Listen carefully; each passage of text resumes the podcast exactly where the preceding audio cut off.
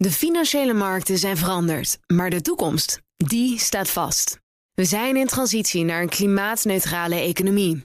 Dit biedt een van de grootste investeringskansen van onze generatie. Een kans voor u om mee te groeien met de pioniers van morgen. Meer weten? Ga naar carbonequity.com. Carbon Equity. Do good by investing better. Een goedemorgen van het FD. Ik ben Paulien Zuster en het is donderdag 22 februari. Zeeland en Noord-Brabant tekenen opnieuw bezwaar aan tegen plannen van chemieconcern Ineos voor een plasticfabriek in de Antwerpse haven. Het is mogelijk dat de vergunning net als de vorige keer van tafel gaat. Eerst zet het moederbedrijf Mirage Retail Group Intertoys te koop. Ja, het is niet gelukt en nu gaan ze proberen om Blokker te verkopen. En beleggers waren teleurgesteld over de cijfers van het concern achter Douwe Egberts. Ja, het was een, uh, een historisch dieptepunt eigenlijk, uh, die opening uh, van de beurskoers. Dit is de dagkoers van het FD. We beginnen in Antwerpen, waar de Europese industriëlen eerder deze week bij elkaar kwamen om de noodklok te luiden. En nu staat, met een hoger beroep van Zeeland en Noord-Brabant, de bouw van de miljardenfabriek van chemieconcern Ineos op de tocht. Het is wel heel grappig dat ze daar uh, bijeen waren en dat dan één dag later echt het, zeg maar, dit nieuws komt over een project dat gewoon nou, op 10 kilometer afstand ligt van waar al die industriële leiders uh, waren. Dit is ESG-redacteur Marceline Bresson, die vertelt om wat voor fabriek het gaat. Nou, Ineos, een Brits chemiebedrijf, is eigenlijk al sinds 2019 bezig met dit project. Eigenlijk nog daarvoor, in 2019 hebben ze aangekondigd dat ze het in Antwerpen willen gaan bouwen. Ze zijn er al een paar jaar daarvoor daarmee bezig geweest. Rotterdam was ook in de race. Bedrijf heeft uiteindelijk voor Antwerpen gekozen. En sinds 2019 proberen ze eigenlijk de vergunning rond te krijgen. Het is een, het is een enorme etaankraker, heet dat dan. Nou, het is een chemisch proces en eigenlijk wat ze daarmee doen is dat ze van aardolie maken ze dan basisproducten voor de plasticindustrie. En uh, nou, sinds 2019 proberen ze die vergunning rond te krijgen. Uh, daar zijn ze dus nu voor de tweede keer over gestruikeld. Maar ja, bij de bouw van die fabriek en ook bij het gebruik van die fabriek komt de stikstof vrij. Die slaat neer in de natuur. Ja, dat, dat kan gewoon op een gegeven moment niet. En de provincies in de buurt van Vlaanderen, die krijgen dus ook die stikstof over de grens. Ja, precies. Want zeg maar, die fabriek die wordt gebouwd in de Antwerpse haven, maar echt best wel dichtbij de Nederlandse grens. Echt een kilometertje of vijf van twee Natura 2000 gebieden in Zeeland en Brabant. Uh, dus die stikstof die vrijkomt bij die bouw, ja, die waait gewoon Nederland in. En ze hadden dus eerder al een vergunning, maar die is vernietigd. Ja, dus vorig jaar heeft de Vlaamse rechter eigenlijk uh, gezegd... Je moet, dus, je moet je voorstellen, oké, die fabriek die staat vlakbij de, de Nederlandse grens. Dus bij de bouw en bij het gebruik van die fabriek komt er allerlei stikstof vrij. Die slaat dan neer op de Nederlandse natuur. En de Nederlandse provincies, Zeeland en Brabant, die hadden gezegd van... Oké, okay, Ineos, we weten gewoon dat er stikstof vrijkomt. Maar op basis van de gegevens die jullie nu aanleveren... kunnen wij niet zeggen dat dat ja, dat dat niet significant is. Zeg maar. Jullie zeggen wel dat dat verwaarloosbaar is, maar wij kunnen dat niet concluderen. De Vlaamse rechter heeft toen gezegd van, oh ja, die Nederlandse provincies hebben eigenlijk wel gelijk. Jullie hebben allemaal informatie geproduceerd, maar die conclusie die jullie trekken van, oh, dit project maakt helemaal niks uit, dat kun je niet doen. Dus Ineos terug naar de tekentafel, althans in ieder geval terug naar de huiswerktafel. Het project is eigenlijk niet veranderd. Ze hebben nu wel een enorme passende beoordeling geschreven, 800 pagina's ingediend voor de nieuwe vergunning. De Vlaamse minister heeft gezegd van, nou perfect, weet je wel, Ineos, jullie hebben aangetoond uh, dat het nu allemaal in orde is. De Nederlandse provincies, Zeeland en Noord-Brabant, die zeggen gewoon van, nee, dat kunnen we nog altijd niet concluderen. Jullie hebben 800 pagina's geproduceerd, maar wij kunnen niet concluderen dat die impact op onze natuur verwaarloosbaar is. Ja, dus ze zeggen eigenlijk, er is niks veranderd. Nee, en aan het project is feitelijk ook niks veranderd. Ineos heeft alleen de onderbouwing veranderd. En Betekent dat dan ook, ja, dat is een beetje jouw vraag om te speculeren, maar dat de kans groot is dat deze vergunning ook weer verdwijnt? Het is mogelijk dat de vergunning net, net, ja, net als de vorige keer van tafel gaat. Toen wees de rechter er heel erg op van ja, je moet je huiswerk doen. Dus het kan ook zijn dat de rechter nu zegt: oké, Ineos heeft het huiswerk gedaan op basis van de experts die wij horen vinden wij dat Ineos de juiste conclusie trekt en dat ook de Vlaamse minister de juiste conclusie trekt. Dat is mogelijk. En je zag dat ook bij dat Portals-project in de Rotterdamse haven. Dat, ja, toen zei de rechter eigenlijk van oké, er komt dus wel stikstof vrij en die slaat neer op de kwetsbare natuur. Maar dit project is zo belangrijk voor de haven en eigenlijk ook voor de vergroening en de zeg maar de verdere verduurzaming van de economie, dat wij dit toch door gaan laten gaan. Kan zijn dat de Vlaamse rechter ook zo'n afweging gaat maken. Maar het kan ook zijn dat ze gewoon zeggen van ja, weet je, Zeeland en Noord-Brabant hadden gelijk. Die stikstofwetgeving die is gewoon al jaren oud. Een bedrijf als Ineos dat in 2015 of 2016 begint met het nadenken over zo'n fabriek, dat weet gewoon dat die wetgeving er is. De verlieslatende winkelketen Blokker staat te koop. Eigenaar Mirage Retail Group is op zoek naar nieuw geld na de mislukte verkoop van een ander onderdeel, speelgoedketen Intertoys. Private equity redacteur Gijs den Brinker vertelt dat Mirage zware jaren achter de rug heeft. Vijf jaar geleden is het door uh, Michiel Witteveen uh, gekocht. Het uh, was toen zwaar verlieslatend. hij kreeg zelfs van de verkopers, de familie Blokker, een, een bruidschat mee van een grote zak geld voor de daaropvolgende jaren om de verliezen te stelpen en om de reorganisatie die nodig was uh, te financieren. Daarna is uh, corona nog uh, eroverheen gegaan. Dat was ook een moeilijke periode voor het blokkenconcern.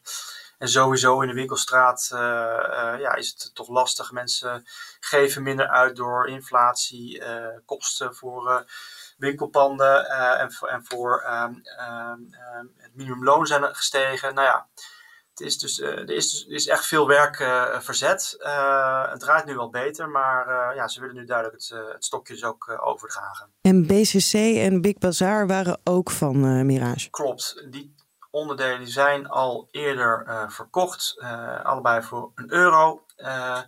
En, en, beide ketens die hebben, dat, hebben het onder de nieuwe eigenaar niet gered. En allebei failliet gegaan. En waarom wilden ze in eerste instantie Intertoys dan verkopen? Ze wilden Intertoys verkopen omdat het, uh, het een goed moment uh, leek. Hè. De Intertoys is op zich een winstgevende onderneming. En de fusie- en overnamemarkt die trok eind vorig jaar aan. Dus het leek ook makkelijker om kopers te vinden. Het was ook makkelijker om financiering voor dit soort overnames te regelen. Dus, en ze, ze waren ook best goed mee op weg, is het verhaal. Uh, ze zouden met één uh, partij uh, heel ver zijn gegaan in het onderhandelen, maar het, op het laatste moment trok hij zich terug. Ja, en toen hebben ze besloten om Intertoys dan te houden en, en, voorlopig niet te gaan verkopen. Want waarom valt dan nu de keuze op Blokker als Intertoys eerste logische keuze leek? Blokker is een, is een heel ander verhaal, inderdaad. Blokker um, is in de kern gewoon nog een verlieslatend bedrijf. afgelopen jaar is er onderliggend kleine 2 miljoen verlies uh, gemaakt. Nog voor kosten voor rente en andere financieringskosten. Dus het is gewoon uh, niet winstgevend. Ja, het is dus een, uh, een, een heel ander verhaal. Iemand die daar wat van wil maken, die er winstgevend wil maken, die zal ook echt de mouwen moeten opstropen. En ook in eerste instantie best wel kosten moeten maken om het winstgevend te krijgen. Zijn daar dan kopers voor te vinden? Want dat klinkt niet heel aantrekkelijk. Nou ja, in een, in, een markt zijn altijd uh, verschillende soorten kopers. Hè. Je hebt uh, mensen, uh, partijen die, die alleen voor de, voor de groeibriljanten gaan. en die betalen daar dan ook voor. Maar je hebt ook ja, mensen die kijken naar de wat minder solide bedrijven, om het zo te noemen die betalen dan ook minder. En uh, die zijn ook gewend om, uh, om, om, bedrijven op de schop te nemen en om het uh, tijd te keren. Dus op zich denk ik wel dat er partijen zijn. Maar ik weet niet of er heel veel zijn. En tot slot gaan we naar verslaggever Job Wout, die de jaarcijfers volgde van GDE Peets, het koffie- en theeconcern achter onder meer Douwe Egberts en Picnic. De CEO had het over een zeer sterk tweede halfjaar maar beleggers waren niet blij. Die beleggers die krijgen een eh, persbericht eh, met behoorlijk wat pagina's eh, onder ogen. En dat begint eigenlijk met een aantal ronkende teksten. In de eerste plaats ook van de CEO himself. en dan, ja, dan, als ze dan goed lezen, dan, dan staan er ook cijfers in die ze eigenlijk helemaal niet hadden verwacht. En dat gold bijvoorbeeld voor de, de netto winst. Zeg wat het bedrijf nou echt helemaal onder de streep heeft verdiend.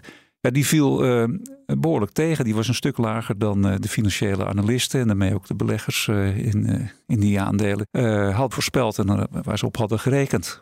En wat deed de koers? Ja, die koers die opende 7% lager gisterenochtend. En dat, ja, dat was toch wel een behoorlijke klap. Want dat aandeel is een paar jaar geleden, om precies te zijn, mei, eind mei 2020, naar de beurs gebracht door de eigenaren. En ja, het was een, een historisch dieptepunt eigenlijk, die opening van de beurskoers. En waar ligt het aan? Ja, dat zat natuurlijk toch in die, in die verwachting in de eerste plaats. Dat het, ja, het zo, zo, die, ze, waren wat hoger gespannen dan wat er uiteindelijk uitrolde. De vooruitzichten van het bedrijf die zijn ook nog niet om over naar huis te schrijven. En dan valt het allemaal tegen. Dus dat, dat zijn zeg de eerste aanwijzingen waarom zo'n koers dan zo hard dan weer reageert op die dag. Ja, en, en onderliggend is, is, ja, is die markt en is JD Peets, dat, dat groeit toch allemaal niet zo geweldig hard als ze hadden gedacht ten tijde van die beursgang. En dan speelt natuurlijk toch ook ja, de conjunctuur, de, de prijsinflatie en dan speelt ook het terugtrekken uit Rusland speelt wel een belangrijke rol. Want hoe hebben zij last van de Oekraïne-oorlog? Ja, de Oekraïne-oorlog die, uh, heeft natuurlijk een, tot een aantal sancties geleid, waar allerlei bedrijven direct last van hadden en waar bijvoorbeeld ook allerlei oligarchen meteen kalt werden gesteld, zo goed en zo kwaad als dat ging. JD Peets die, die kon eigenlijk wel doorgaan zonder dat ze nou gehinderd werden door die sancties. Alleen er kwam wel van alle kanten druk op en dan zag je bijvoorbeeld bij Heineken heb je dat heel duidelijk gezien. Natuurlijk heel veel publicitaire ook druk. Eh, die moedigde nog eens aan om uh, het Amstelbier extra te gaan verkopen in Rusland. Nou, dat leidde tot nog meer narigheid. JD Peets, met de Douwe Egberts noem ik het dan maar even voor het gemak, dat ontrok zich een beetje aan het publicitaire geweld. Die gingen ook gewoon door met, met het, het, verkopen van koffie. Maar die hebben op een gegeven moment wel beslist vorig jaar van ja, de internationale merken, en dat is vooral het Duitse merk Jacobs, dat is, dat is, daar stoppen we mee in Rusland. We gaan alleen door met de lokale merken. En nou hebben ze ook last uh, van derivaten. Wat gebeurt daar precies? Ja, dat zijn waar een luchtvaartmaatschappij zich moet indekken tegen risico's van prijsschommelingen van de kerosineprijs. Moeten koffieproducenten, die moeten op de wereldkoffiemarkt, moeten die zich wel zeker stellen dat ze genoeg eh, bonen hebben om eh, te kunnen branden en om die dan weer te kunnen doorverkopen. En dat doe je via optiecontracten. Dat zijn derivaten. Het, het zijn termijncontracten waarmee je verzekerd weet van een grote hoeveelheid koffie en waar je niet op, op dagprijzen hoeft te handelen. Maar ja, je koopt op een gegeven moment uh, koffie voor een bepaald bedrag in. Of een optie daarop. En uh, de waardering van die optie die, die kan uh, nogal schommelen. En die moet wel op worden vastgesteld op een gegeven moment. En vorig jaar met de jaarcijfers was dat, leidde dat tot een positieve waardering van die optiecontracten. En dit jaar tot een negatieve waardering van die optiecontracten die Dow Egberts heeft gesloten. En hoe gaat het nu verder met uh, JDE Peets? Wat zijn de lange vooruitzichten? Ja, de lange vooruitzichten moet, je natuurlijk afgaan. Uh, toch ook op de signalen die het management afgeeft. En ja, ze zeggen van we hebben nu wel weer in Europa wat uh, vaste grond onder de voeten. Europa was gewoon een wat lastige markt door al die inflatie en, en de consument die de hand op de knip haalt. Zeker waar het gaat om aanmerken. En in China loopt het als een dolle. Kun je ook uit het persbericht afleiden. En Rusland, dat blijft nog een, een grote onzekerheid.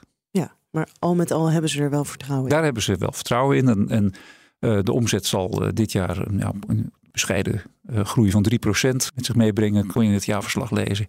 En de bedrijfswinst, ja, die loopt, loopt er ook wel in mee. En die moet zelfs ietsje hoger dan gaan uitkomen. Exclusief Rusland, zeggen ze er dan meteen weer bij.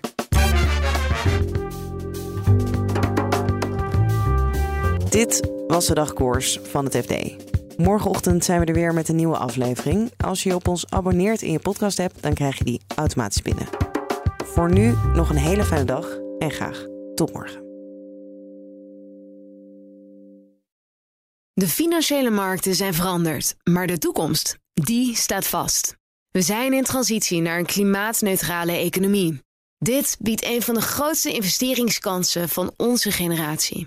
Een kans voor u om mee te groeien met de klimaatoplossingen van morgen. Meer weten? Ga naar carbonequity.com. Carbon Equity. Do good by investing better.